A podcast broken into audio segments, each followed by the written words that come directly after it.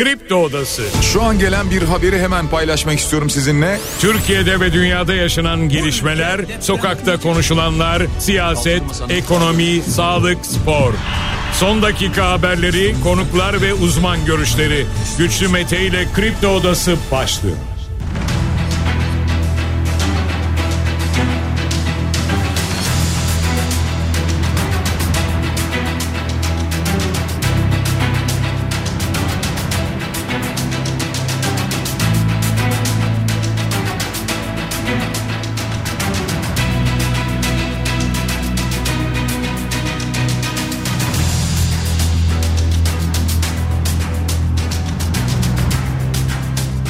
24 Ocak çarşamba sabahından Kafa Radyo'dan Kripto Odası'ndan tüm Türkiye'ye yurt dışında bizi dinleyen dinleyicilerimize günaydın. Hepinize sağlıklı ve güzel bir gün dileyerek her sabah olduğu gibi programımıza başlıyoruz. Bugün de Kripto Odası'nda saat 10'a dek sizlerle birlikte olacağız. Gündemdeki başlıkları değerlendireceğiz. Sizler de görüşlerinizle fikirlerinizle programa katılmak isterseniz Twitter üzerinden güçlü mete yazarak bana ulaşabilirsiniz. WhatsApp hattımızın numarası 0532 172 52 32. Hemen gündemdeki başlıklarla başlıyoruz programımıza. Türkiye Büyük Millet Meclisi'nden İsveç'e NATO onayı çıktı. Bekleniyordu zaten çıkması. Biraz sonra detaylara bakarız. Kimler evet dedi, kimler hayır dedi. SSK ve Bağkur emeklilerine yüzde 49,25'lik bir zam geldi. Bu ne manaya geliyor? Kök maaşlar ne oldu? Bunlara da yer vereceğiz. MİT Başkanı İbrahim Kalın'dan bir Irak ziyareti vardı. Gündemde neler oldu bunlara da bakacağız ve İran Cumhurbaşkanı reisi bugün Türkiye'ye geliyor. Cumhurbaşkanı Erdoğan'la görüşecek. Özgür Özel milletin derdi dem değil zam diye bir açıklama yaptı. Yine emekli maaşlarına yönelik açıklamaları da oldu Özgür Özel'in. AK Parti ve İyi Parti'nin bugün yine yeni adaylar açıklaması bekleniyor. Erdal Beşikçioğlu Ankara Büyükşehir Belediye Başkanı Mansur Yavaş'ı ziyaret etti ve aralarında daha önce de hiçbir sorun olmadığını bundan sonra da olamayacağını söyledi. Netanyahu'dan gelen bir açıklama var savaşın 3. aşaması 6 ay sürecek diyor. Yani savaş en az 6 ay daha devam edecek mesajını veriyor. Antalya'da denizde tarama çalışmaları devam ediyor. Başka cansız bedenlere ulaşılabilir mi diye bakılıyor bir yandan. Ve bu arada Antalya'da dün gece saatlerinde 4.1 büyüklüğünde bir deprem meydana geldi. Depremi yaşayan hisseden herkese geçmiş olsun. Seçil Erzan'ın yazışmaları ortaya çıkmaya devam ediyor. Fon vurgunu davasında ben bu tehditlerle yaşayamıyorum mesajını veriyor. Aynı zamanda WhatsApp üzerinden biriyle yazışırken. Ankara'da bir IŞİD operasyonu gerçekleşti. İstanbul'da da huzur uygulaması yapıldı. Birçok operasyon vardı. Bunlara da yer veririz. TÜİK'ten bir veri var ki o veriye baktığımızda ortaya şu çıkıyor. Yerli turistin geceleme sayısı azalmış.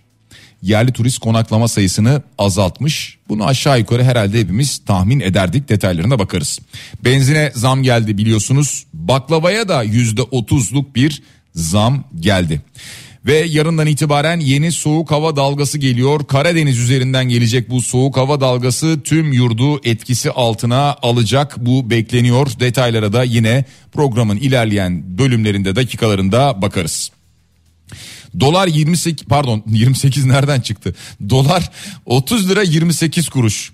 Euro 32 lira 92 kuruş ve gram altın 1971 lira çeyrek altın 3381 lira olarak görünüyor. Bir liste fiyatı olarak önümüzde. Ama bankada dolar şu anda 30 lira 90 kuruş.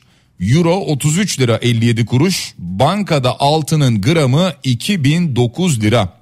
Dolayısıyla serbest piyasada çeyrek altın 3400-3500 lira civarındadır. Borsa İstanbul dün 8000 puanın biraz altına düştü. BIST endeksi dünü 7950 puanla kapattı. Bakalım bugüne nasıl başlayacak? Bitcoin 40 bin doların da altına indi. Bitcoin 39 bin 777 dolar şu anda. Kısaca başlıklarımız böyle biliyorsunuz her programda sadece bu kadar değil daha aktaracağımız paylaşacağımız birçok başlık var. Bunları da bir yandan tabii ki detaylandıracağız. Şimdi İsveç'in NATO'ya katılım protokolü Meclis Genel Kurulu'na geldi. Meclis Genel Kurulu'nda kabul edildi. 346 milletvekili katıldı oylamaya bu arada onu söyleyelim. 287 kabul 55 red oyu kullanıldı. Şimdi e, bunlar içerisinde hangi partiler acaba kabul ettiler İsveç'in NATO'ya katılımını? Hangileri reddetti? Kabul eden partiler AK Parti, CHP ve MHP evet oyu verdi. Red oyu verenler İyi Parti, Saadet Partisi, Yeniden Refah Partisi, Hüdapar, Türkiye İşçi Partisi, Demokrat Parti ve DSP. Milletvekilleri bu milletvekilleri hayır oyu kullandılar. Ee, daha önce biliyorsunuz Devlet Bahçeli de Aralık ayında reddedeceklerini duyurmuştu. Ee, İsveç'e onay vermeyeceklerini, işte Kur'an-ı Kerim'in e, yakılmasına müsaade eden, teröre müsaade eden e, İsveç'e onay vermeyeceklerini söylemişti ama e, hemen bir gün öncesinde bundan e, oylamadan bir gün öncesinde İsveç'in katılımına onay vereceklerini ifade etmişti. Dolayısıyla MHP de evet oyu verdi buna. E, dolayısıyla İsveç'e NATO vizesi Türkiye'den çıktı. E, tabii bunun karşılığında e, İsveç'ten gelen olumlu mesajlar var. Hemen İsveç'ten gelen açıklamalar oldu. Sadece İsveç'ten de değil aynı zamanda e, çeşitli Avrupa ülkelerinden Avrupa Birliği'ne bağlı üye ülkelerden gelen açıklamalar var. Ki onlar da bu adımı Türkiye'nin bu adımını olumlu bulduklarını ifade ettiler. E, genel olarak baktığımızda Danimarka'da dahil olmak üzere olumlu adım büyük memnuniyet diyorlar ee, birçok ülkeden ve Amerika'dan da tabii ki bu adımın olumlu olduğu memnuniyet mesajları geldi Amerika Birleşik Devletleri'nden de aynı zamanda. NATO'dan da tabii buna benzer mesajlar geliyor şu anda Türkiye'ye. Devam ediyoruz. Yani tabii bu arada e, devam ediyoruz ama İsveç'i Türkiye onayları diye İsveç hemen NATO'ya girmiyor. E, muhtemelen Macaristan bir de e, onaylamıyordu. Bir onay daha gerekecek e, İsveç için ama en önemli e, buradaki engel Türkiye görülüyordu. O nedenle bu önemliydi. E, Bankalar Birliği Başkanı'ndan bir açıklama gelmiş. Dolar yıl sonu 39.40 olur deniyor kredi kartlarına taksit azaltma ve limit kontrolü gibi önlemler beklenebilir deniyor. Ee, orta vadeli programda sadece enflasyon hedefi bir miktar iddialı diye bir açıklama var. Bankalar Birliği Başkanı'ndan gelen açıklama. Dolar yıl sonu 39.40 olur. Kur bu yıl enflasyondan fazla artmayacak. Kredi kartlarına taksit azaltma ve limit kontrolü gibi önlemler beklenebilir. Ki bu çok konuşuluyor biliyorsunuz. Şu an son dakika haberi olduğu için veriyorum ben bunu. E, bu çok konuşulan bir konu. Yani e, kredi kartlarına taksit ve limit azaltma gibi. Kaldı ki biliyorsunuz limitle ilgili bir uygulama var. E, bundan sonra işte e, bankalar e, yani bir başvuru üzerine veya kendi istekleri üzerine limit arttıramayacak diye. E, bundan sonrası için de kredi kartı taksitlerine bir engelleme gelecek. Bir sınırlama gelecek deniyor. Ki bu Bakın yani tahmin edersiniz ki seçimden önce olmaz. Yani e, seçimden önce böyle bir sıkılaşma olmaz. Seçimden sonra oldu. Yani 31 Mart geçer. Daha sonrasında Nisan ayında Mayıs ayında böyle bir karar alınır. Mesela deniyor ki hatta öyle duyumlar var ki bazı ürünler hariç geri kalan ürünlerde taksit kaldırılacak deniyor. Yani bu kadar e, iddialı bazı e, söylemler var e, bilemiyoruz ama netice itibariyle işte Bankalar Birliği Başkanı da benzer bir şeyi e, söylüyor şu an dile getiriyor. E, kredi kartlarının taksit azaltma ve limit kontrolü önlemleri gelebilir diyor. Ki dediğim gibi bu önlemler herhalde e, seçimden sonra getirilir ki seçim öncesinde bir tepki çekmesin vatandaştan diye. SSK ve Bağkur emeklileri hakkında yeni bir zam kararı geldi biliyorsunuz dün gece saatlerinde. Ee, daha önceden şöyle bir açıklama gelmişti. Ee, biliyorsunuz %42.6'ya yükseldiğini belirtmişti artış oranının. Ee, Cumhurbaşkanı Erdoğan böyle bir açıklama yapmıştı.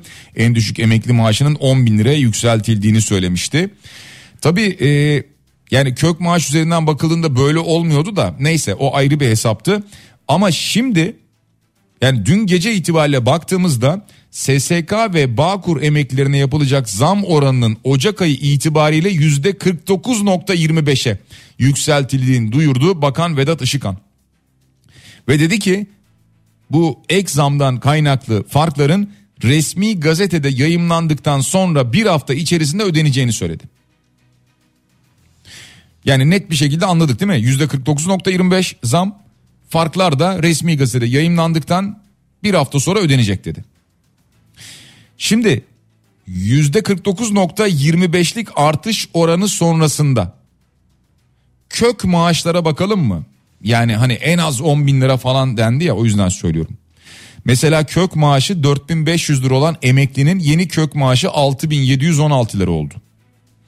Kök maaşı 4750 lira olan emeklinin yeni kök maaşı 7089.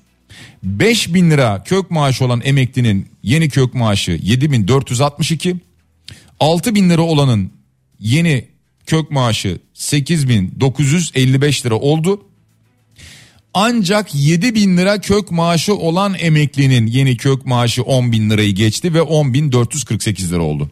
Yani diğerlerinde en düşük maaş 10 bin lira olmadı. Ee, 10 bin lira alabilirler ama dediğim gibi kök maaşlarındaki artış bu oranda oldu ve kök maaşları 10 bin liranın altında. Evet devam ediyoruz sevgili dinleyiciler. MİT Başkanı İbrahim Kalın Irak'ı ziyaret etti ve orada Irak Cumhurbaşkanı ile bir araya geldi ki burada tahmin edersiniz e, en önemli konu Irak'la yapılan görüşmedeki en önemli konu e, terör konusu oldu. E, bölgede yürütülen operasyonlar bunlara dair bir görüşme gerçekleştirildi. Devam ediyoruz. İletişim Başkanlığından gelen bir açıklama var. E, İtalya Başbakanı Meloni Türkiye'ye geldi biliyorsunuz. Ee, belki de bilmiyorsunuz. Çünkü çok fazla gündem olmadı aslına bakarsanız. Sadece İlber Ortaylı ile bir arada oldukları için İlber Ortaylı üzerinden bir gündem oldu.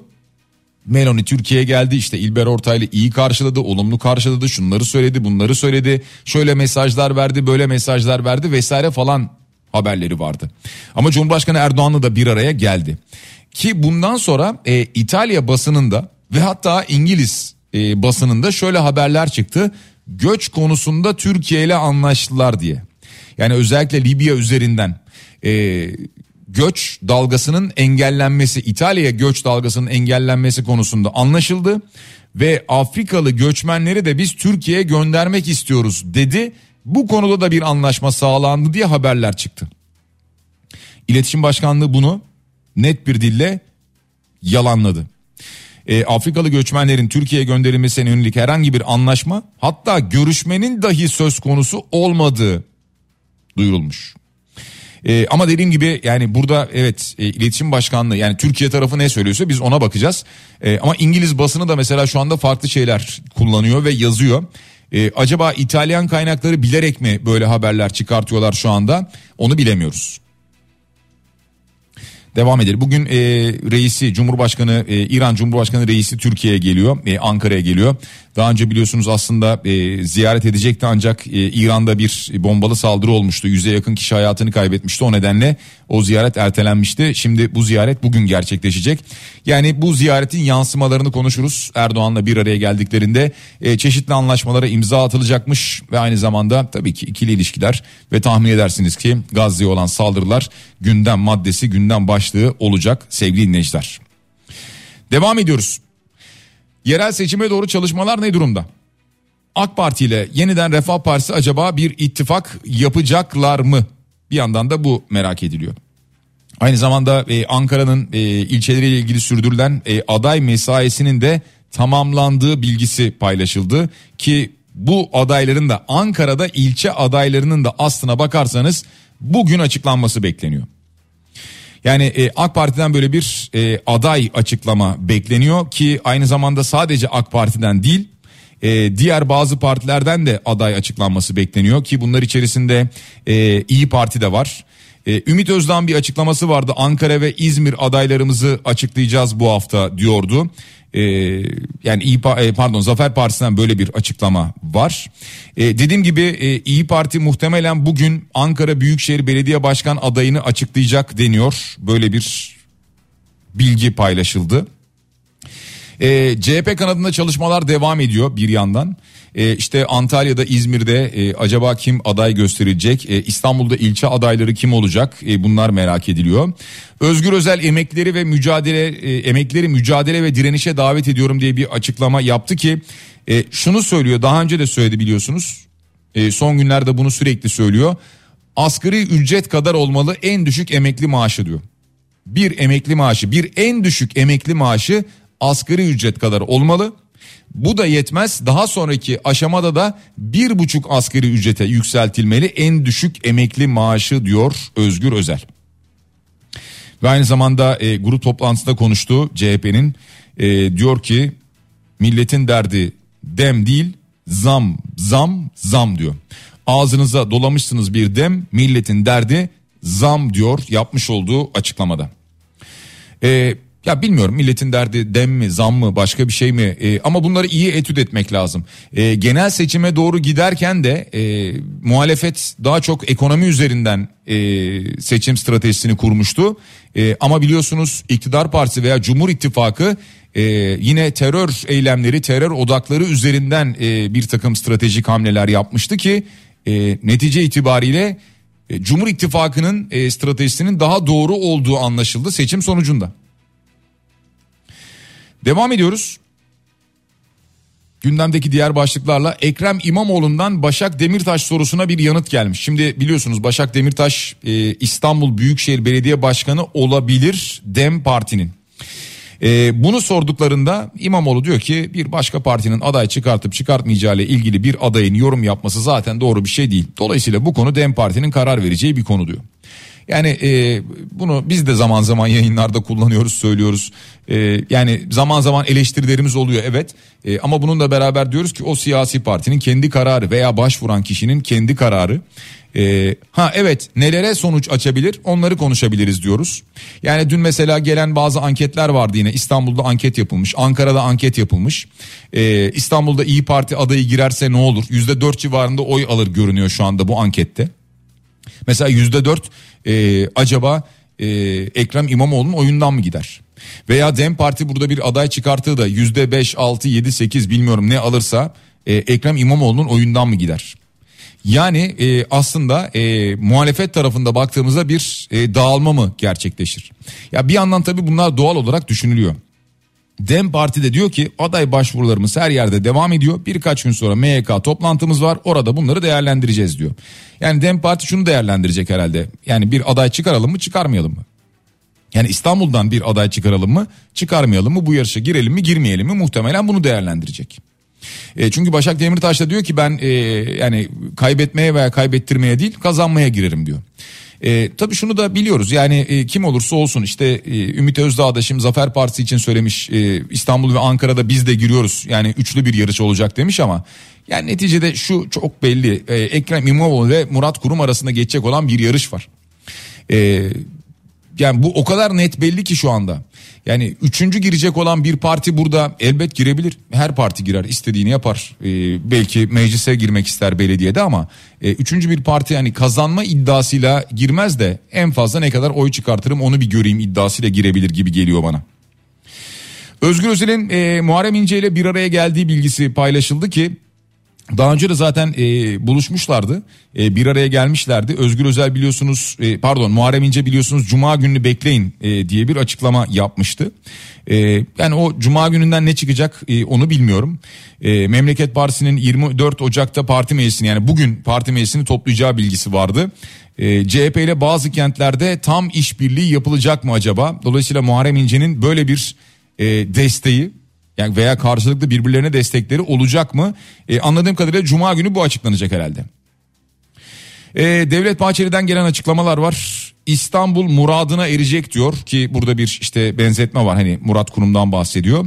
Ee, Ankara'ya altı ok değil yani CHP değil altın ok mührünü vuracak diyor. Yine burada da bir e, benzetme yapıyor ve e, kendi adaylarını bu şekilde ön plana çıkartıyor. Ee, dediğim gibi İyi Parti'nin de Ankara Büyükşehir Belediye Başkanı adayını bugün açıklaması bekleniyor. Hatta işte Cengiz Topel Yıldırım'la anlaştığı iddiası ortaya atılmıştı. Erdal Beşikçioğlu Mansur Yavaş'ı ziyaret etti sevgili dinleyiciler. Ee, böyle bir ziyaret gerçekleşti ve Mansur Yavaş'la aralarında bugüne kadar hiçbir problem olmadığını, bundan sonra da olmayacağını söyledi ve dedi ki o bizim abimiz tecrübelerine her daim ihtiyacımız var diye bir açıklama yaptı. Ankara'nın ağabeyine geldim diye bir açıklaması oldu Erdal Beşikçioğlu'nun. Yani bir sorun yok mesajı verildi Ankara'da Ankara içerisinde. Devam ediyoruz gündemdeki diğer başlıklarla. Bunlardan bir tanesi Merkez Bankası ve Hafize Gaye Erkan başlığı. Ee, Birçok iddia ortaya atıldı. Bu iddialarla ilgili e, siyasilerden gelen mesajlar oldu dün paylaştık. E, zaman zaman biz de yayınlarımızda paylaştık. Dedik ki o kadar çok iddia var ki kafalar karıştı. E, buna ilişkin o yüzden e, Merkez Bankası Başkanı'nın e, bir basın toplantısı düzenleyip bu iddialarla ilgili cevap vermesi lazım. E, bugüne kadar sadece iletişim başkanlığından gelen yalanlama şu oldu. Hafize Gaye Erkan Cumhurbaşkanı Erdoğan'la görüşecek iddiası vardı dünle ilgili. Bu yalanlandı iletişim başkanlığı tarafından. Ama diğer konularda bir yalanlama gelmedi. E, diğer iddialarla ilgili bir yalanlama gelmedi. Dolayısıyla e, Merkez Bankası Başkanı herhangi bir bankanın e, genel müdürü veya işte yönetim kurulu başkanı falan değil. Merkez Bankası'ndan bahsediyoruz. Dolayısıyla çıkıp e, bu konularla ilgili madem ki e, ilk vermiş olduğu mesajlarda da bunları yalanlıyordu. Çıkıp bu konularla ilgili e, aydınlatması lazım vatandaşı, insanları. Merkez Bankası'nın başkanı çünkü. Yani kendisi aklanacaksa aklanması lazım. Yani onunla ilgili de böyle bir şey şart şu anda. E, ama e, kimseden herhangi net bir açıklama yok şu anda. Ve Merkez Bankası Başkanı ile ilgili her geçen gün yeni haberler ortaya çıkartılıyor. Yani hani şu klasik bir tabir vardır ya birileri düğmeye mi bastı? Yani doğru ya da yalan bilmiyoruz. Yeni haberler sürekli ortaya çıkartılıyor. E, biliyorsunuz en son dendi ki işte Mehmet Ağar'ın akrabası vesaire falan filan. E, Mehmet Ağar bir açıklama yapmış. Kendileriyle hemşerilik bağı dışında herhangi bir bağımız yok demiş. Yani bir hani akrabalık bağı vesaire falan filan yok demiş. İşte yok teyzesinin oğlu, o bilmem nenin oğlu, ona böyle bir ayrıcalık tanınıyor vesaire falan gibi haberler de çıkarıldı çünkü. Ya son dönemde çıkan haberlerin sayısı arttı. Mehmet Şimşek'ten mali disiplin ve reform mesajı varmış sevgili dinleyiciler. E, bu reformla birlikte kamu iktisadi teşebbüslerimizi dünya uygulamalarına yaklaştıracağız demiş. Böyle bir açıklaması olmuş Mehmet Şimşek'in. E, Tabi vatandaş bundan sonra kendisiyle ilgili nasıl bir disiplin çalışması yapılacak diye daha çok merak ediliyor, merak ediyor anladığım kadarıyla.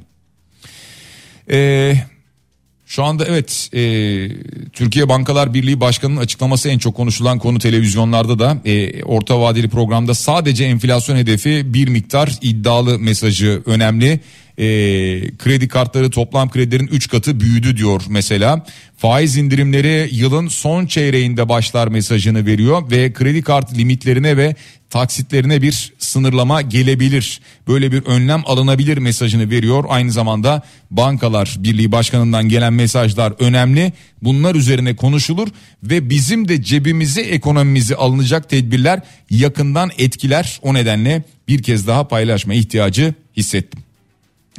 Bir reklam aramız var sevgili dinleyiciler. Reklamlardan sonra kaldığımız yerden devam edeceğiz Kripto Odası'na. Kripto Odası'na devam ediyoruz. Reklamların ardından yeniden sizlerle beraberiz ve gündemdeki başlıkları değerlendiriyoruz sevgili dinleyiciler. Antalya'da dün meydana gelen bir deprem vardı ki 4.1 büyüklüğünde bir depremdi. Bu deprem Kumluca ilçesinde meydana gelmişti saat 23.04'te. Bölgede tabii kısa süreli bir endişeye sebep oldu. Depremi yaşayan, hisseden herkese geçmiş olsun dileklerimizi iletelim. Bu arada anladığımız kadarıyla olumsuz bir ihbarda gelmemiş. İşin sevindirici yanı bu. Saha taraması devam ediyor diye bir bilgi vardı. Gün içerisinde muhtemelen bu saha taraması devam edecektir ama şu ana kadar olumsuz bir ihbar gelmemesi işin sevindirici yanı. Depremi yaşayan hisseden herkese geçmiş olsun dileklerimizi bir kez daha iletiyoruz.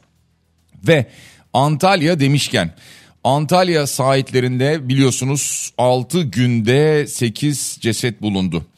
Ee, ve Serik'te bulunan son cesedin 4 Ocak'ta kaybolan Şevval Elmas'a ait olduğu da belirlenmişti. Hatırlayacak olursanız Merve'nin babası da acı içerisinde bu haberi vermişti. Polis şimdi ard arda kıyıya vuran cesetlerin ardından sahil şeridinde devriye nöbetine başlamış. Buradan gelen haberler var ve hatta görüntüler var. Polis sahil şeridinde geziyor ve kıyıya vuran başka bir cansız beden var mı diye bir yandan bunu araştırıyor. Ve aynı zamanda Antalya İl Emniyet Müdürü Orhan Çevik'ten de bir açıklama var ki denizde tarama çalışmalarının devam ettiğini söylüyor. Kıbrıs'a da bu arada 3-4 tane ceset vurduğunu ifade ediyor kıyılara. Kıyıda 3-4 ceset bulunduğunu söylüyor aynı zamanda. İşte maalesef bu zaman zaman vermiş olduğumuz göçmen teknelerinin batması haberi, göçmen faciası diye vermiş olduğumuz haberlerin neticesini bu şekilde görüyoruz. Gözümüzün önünde yaşamaya devam ediyoruz. Dünya da bunu gözünün önünde yaşamaya devam ediyor. Ama e, dünya, Avrupa, Amerika işine geldiği zaman bazı olaylara tepki gösteriyor. İşine gelmediğinde işte umursamıyor. İşte mesela göçmen olaylarında olduğu gibi. Aman bizim sınırımıza gelmesinler de sizin orada ne olursa olsun. Mesaj bu. Veya Orta Doğu'da bir karışıklık var. İsrail Filistin'i vuruyor. Aman bize zarar vermiyor sorun da değil vursun diye bakıyorlar. Genel itibariyle böyle. Bunları daha önce de benzerlerini yaşadık biliyorsunuz. Bosna katliamı yaşanırken dünyanın gözü önünde bunları yine gördük. Ee, ancak ucu kendilerine dokunduğu zaman bir müdahale dilekleri oluyor, istekleri oluyor. Bir araya geliyorlar, toplantılar yapıyorlar. Ondan sonra ambargolar vesaire falan filan bunlar çıkıyor ortaya. İşte benzerini şimdi yaşamıyor muyuz İsrail'in saldırılarında? Kimse bir şey diyor mu? İsrail'de daha doğrusu İsrail'in son saldırılarında 25.490'a ulaşmış hayatını kaybedenler. Hafta başında ne demiştim? Biz sayı olarak vermeye devam edeceğiz. Hafta başında 25 bine ulaştı dedik. Dedim ki hafta sonunda da diyeceğiz ki 26 bine ulaştı. İşte şimdi 25.490'a ulaşmış. Yani bu bölgeden gelen haberler bu şekilde güncelleniyor. Zaman zaman da böyle alt tondan bir takım mesajlar var. E artık İsrail dursun falan gibi. Durmuyor. Durmuyor yani. İsrail tarafında da 21 askerin öldüğü bilgisi geldi. Hamas roketle vurmuş. Yani insanlar orada hayatlarını, o bölgede hayatlarını kaybetmeye devam ediyor. Özellikle Gazze'de siviller, çoluk çocuk. Ve Netanyahu'dan bir açıklama geldi biliyor musunuz? Dedi ki savaşın 3. aşaması başlıyor ve 6 ay sürecek dedi. Bu Netanyahu e, işte veya İsrail yönetimi bir insani ara verelim diyen yönetim veya iki günlük bir esir takası olsun diyen yönetim. iki ay ara verilsin diyen yönetim. Diyor ki üçüncü aşama altı ay sürecek. Yani iki gün ara veya iki ay ara sonra biz sizi vurmaya devam edeceğiz. Size bir gün ilaç gönderilsin bırakıyoruz izin veriyoruz. Gıda gönderilsin izin veriyoruz. Bir karnınızı doyurun o gün ilacınızı alın ertesi gün size vurmaya devam edeceğiz. Diyor çok net bir şekilde ve savaşın üçüncü aşaması 6 ay sürecek diyor. Bakıyorsunuz kimseden böyle bir reaksiyon falan yok. Ne oldu alışıldı herhalde öyle mi? Yani o yüzden e, şunu çok net biliyoruz. Her ülke kendi çıkarı doğrultusunda hareket ediyor. Yani böyle bir insanlık, etik, o bu vesaire falan filan yok. E, biliyorsunuz Hakan Fidan Amerika'ya gitti. E, bu haberi vermiştik daha önce. Gazze ile ilgili bir diplomasi yürütüyor kendisi. E, Birleşmiş Milletler Güvenlik Konseyi toplantısına tabii ki katıldı. Bu arada e, bir yandan da e, ikili görüşmeler de gerçekleştiriyor ama bu ikili görüşmelerin ağırlık noktası tabii ki gündem başlığı Gazze konusu. E, orada bir diplomasi trafiği kendisi yürütüyor. Neyse Antalya'dan bir anda buraya kadar geldik. Ee, insanlar artık e, ruh sağlıklarını kaybetmiş durumda. Esenyurt'taki bu bıçaklı vahşetten de herhalde bunu anladık öyle değil mi? Yani e, bu Abdullah Ören 9 saatte 10 kişiyi bıçaklıyor.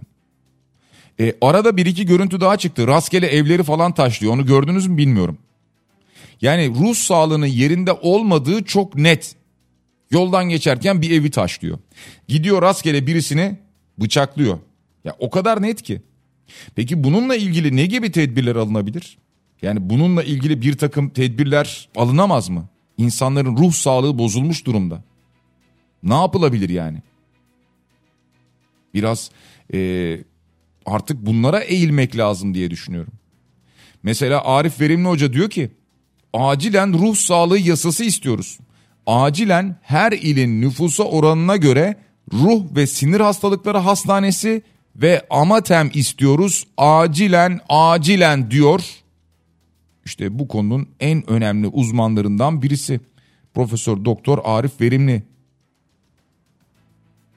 Böyle bir çağrısı var ki bu çağrısında da oldukça haklı olduğunu anlamıyor muyuz? Yani bu sadece bu tipten bahsetmiyorum ben. Gündüz hepimiz sokaklardayız, yollardayız.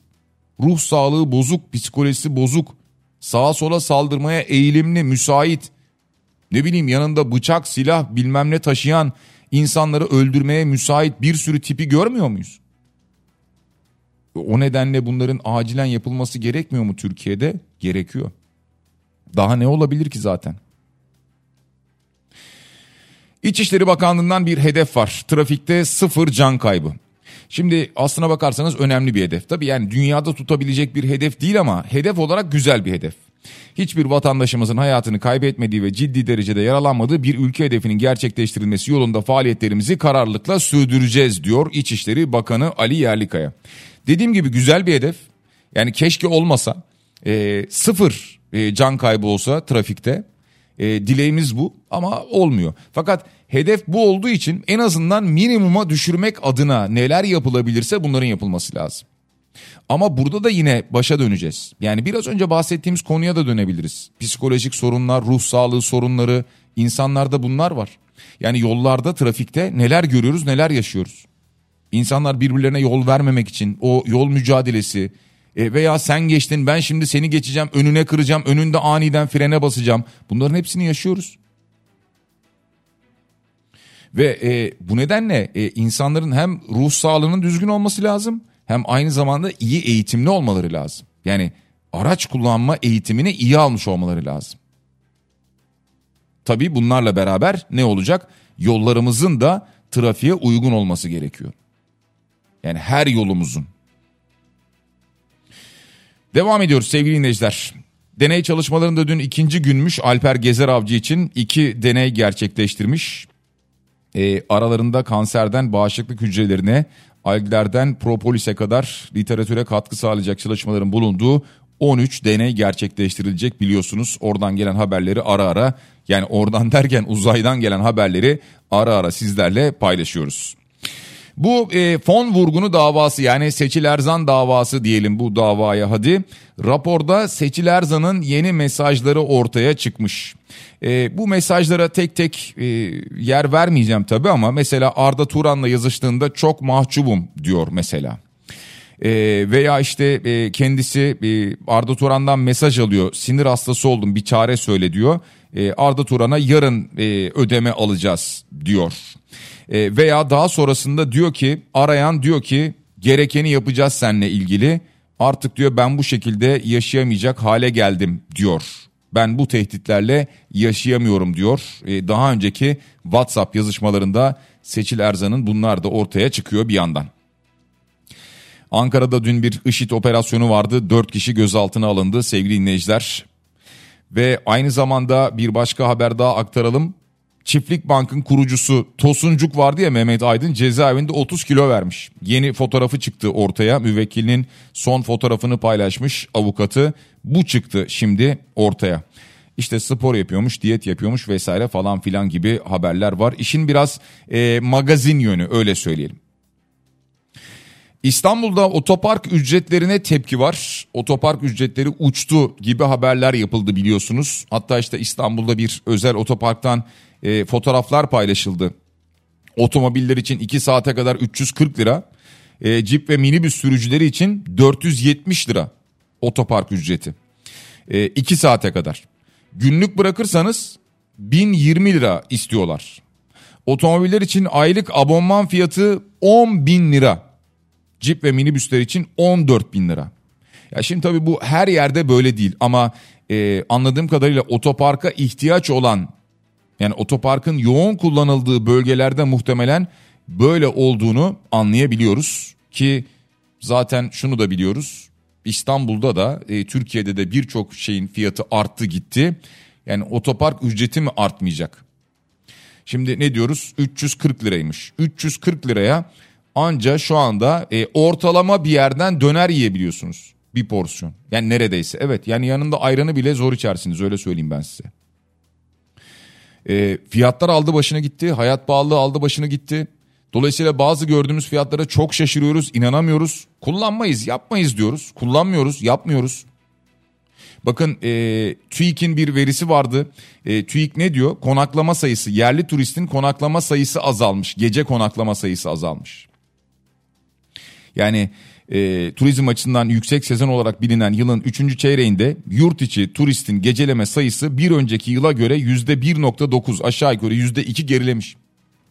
E, yerli turist artık e, gittiğinde daha az kalmaya çalışıyor. Hani tatile gitmeyeyim mi? Gideyim. Ama gittiğimde yani ailemin ihtiyacı var, çocuğum istiyor, eşim istiyor, ne bileyim biz istiyoruz, ben istiyorum. E, gidelim ama ama bir gün daha az kalalım ama iki gün daha az kalalım. Gittik mi gittik. Bir hafta kalmayalım, beş gün kalalım. Veya biliyorsunuz artık e, karavan turizmi artmaya başladı. İnsanlar e, ev almakta zaten zorlanıyorlar. Ev almakta zorlandıkları için mesela karavan alıyorlar. Diyor ki işte ise yazın karavanı da kullanırım. Hani bana yedek bir yazlık gibi olur, ev gibi olur. Yazlık yerine bir karavanım olur diyor mesela. O nedenle karavana da yönelmiş durumdalar. E, gece konaklama sayısı dolayısıyla bir yandan azalıyor. Bunu net bir şekilde görebiliyoruz. İstanbul'da huzur uygulaması yapılmış ki İstanbul'da yaşayanlar e, ben dahil bunu fark ettik. E, şöyle son 1-2 gün içerisinde ki özellikle dün yapılmış bu ama e, son 1-2 gün içerisinde trafik denetimleri de artmıştı. Asayiş denetimleri de vardı. Helikopter destekli bir huzur uygulaması gerçekleştirilmiş. Buna dair görüntüler de geldi İstanbul'dan. Ee, bir dolandırıcılık operasyonu yapıldı İstanbul ve Mersin'de 56 gözaltı gerçekleşti burada ve aynı zamanda 20 ilde çocuk müstehcenliği operasyonu yapılmış ki 35 kişi de burada gözaltına alınmış siber göz operasyonu kapsamı içerisinde sevgili dinleyiciler. Yani birçok operasyon yapılıyor. Buna ilişkin haberler geliyor. Meteorolojiden de sis ve kar fırtına uyarısı var. Şırnak, Siirt, Van, Hakkari ve Bitlis çevrelerinde yoğun kar bekleniyor. Marmara ve Kuzey Ege'de kuvvetli rüzgar bekleniyor. Bu hatırlatmayı biz de meteorolojinin hatırlatmasını yapalım. Özellikle de perşembe gününden itibaren Karadeniz üzerinden gelen yeni bir soğuk hava ve yağışlı hava var ki tüm Türkiye'yi etkisi altına alacak yarından itibaren gelecek olan bu soğuk ve yağışlı hava. Ee, Süper Lig devam ediyor sevgili dinleyiciler. Süper Lig'de bugün 4 karşılaşma var. Fenerbahçe deplasmanda Başakşehir ile karşılaşacak. Saat 20'de başlayacak bu karşılaşma. Bunu da hatırlatalım. Ve veda ederken Cenkere Teknik Masar'a teşekkür ediyoruz. Biraz sonra Bediye Ceylan Güzelce Güzel Şeyler programında sizlerle birlikte olacak. Ama hatırlatıyoruz. 1993 yılında 24 Ocak tarihinde Uğur Mumcu katledilmişti. Önemli bir gazeteci, yazar, düşüncelerinden dolayı, söylemlerinden dolayı katledilmişti Uğur Mumcu sevgili dinleyiciler. Uğur Mumcu rahmetle saygıyla anıyoruz. Yine 24 Ocak tarihinde Ali Gaffar Okkan Diyarbakır Emniyet Müdürü. O da maalesef suikaste kurban gitmişti. Onu da saygıyla rahmetle anıyoruz. 2006 yılında Mümtaz Sevinç 24 Ocak tarihinde. 2007 yılında İsmail Cem hayatını kaybetmişti. 2010'da Şakir Eczacıbaşı. Ve yıllar ilerliyor ardından Fatma Girik 2022 yılında hayatını kaybetti 24 Ocak tarihinde hepsini rahmetle anıyoruz programımızın sonunda. Yarın sabah yeniden sizlerle birlikte olana dek hepinize sağlıklı ve güzel bir gün diliyorum. Şimdilik hoşçakalın.